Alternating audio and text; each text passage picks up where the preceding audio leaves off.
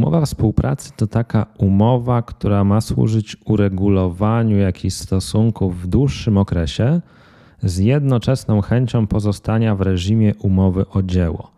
Nagrywałem o tym już kilka odcinków, ale ponieważ w tym tygodniu wpadło do mnie nowe pytanie w tym temacie, postanowiłem jeszcze raz zmierzyć się z tą problematyką i za chwilę opowiem Ci więcej właśnie o umowie współpracy.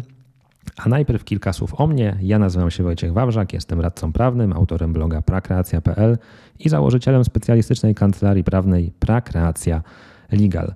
Pomagam między innymi branży kreatywnej, internetowej rozwiązywać jej problemy prawne i jednym z takich problemów jest umowa współpracy. Tak jak wspomniałem, nagrywałem o tym kilka innych odcinków, ale szybko przypomnę. Umowa współpracy przydaje się na przykład wtedy, gdy współpracujesz powiedzmy z grafikiem i temu grafikowi raz na jakiś czas chcesz powierzyć wykonanie jakiegoś projektu.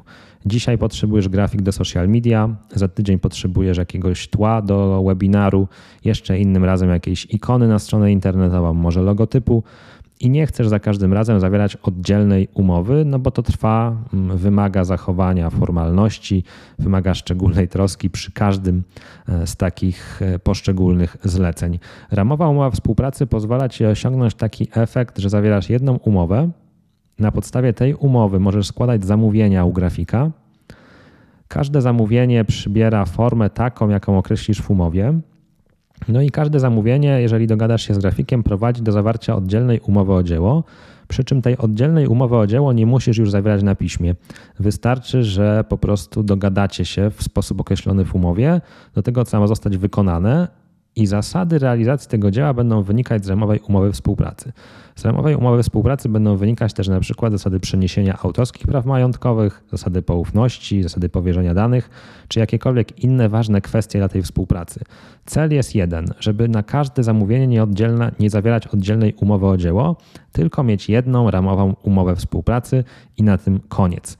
Mm, I dlaczego nagrywam ten odcinek dzisiaj? Dlatego, że spłynęło do mnie pytanie od klienta, który posiada sprzedawany przeze mnie wzór ramowej umowy współpracy i klient zapytał mnie, jak te poszczególne zamówienia powinny być formalizowane. Czy na potrzeby każdego oddzielnego zamówienia trzeba zawierać oddzielną umowę, a może potrzebny jest jakiś załącznik do umowy, a może jakiś protokół zamówienia, a może tylko wiadomość SMS czy mail. No i tutaj odpowiedź brzmi, że to zależy. To zależy od tego, jak się umówimy. Akurat w moim wzorze umowy ramowej współpracy mamy przewidzianą procedurę mailową. Czyli jeżeli ja chcę coś zamówić u grafika, przesyłam mu zamówienie mailowe. Określam w mailu, co potrzebuję, na kiedy, określam jakieś moje szczególne potrzeby i grafik na tej podstawie może mi przygotować ofertę za ile i na kiedy jest w stanie to wykonać.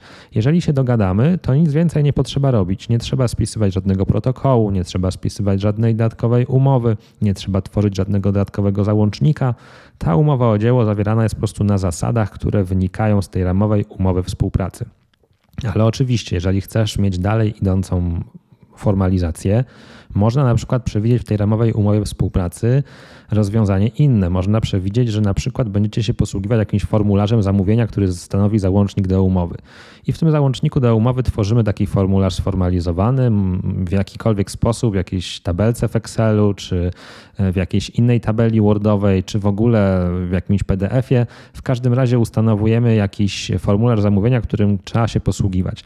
Więc wtedy nie wystarczy wysłać maila, wtedy musisz złożyć zamówienie na takim formularzu zamówienia.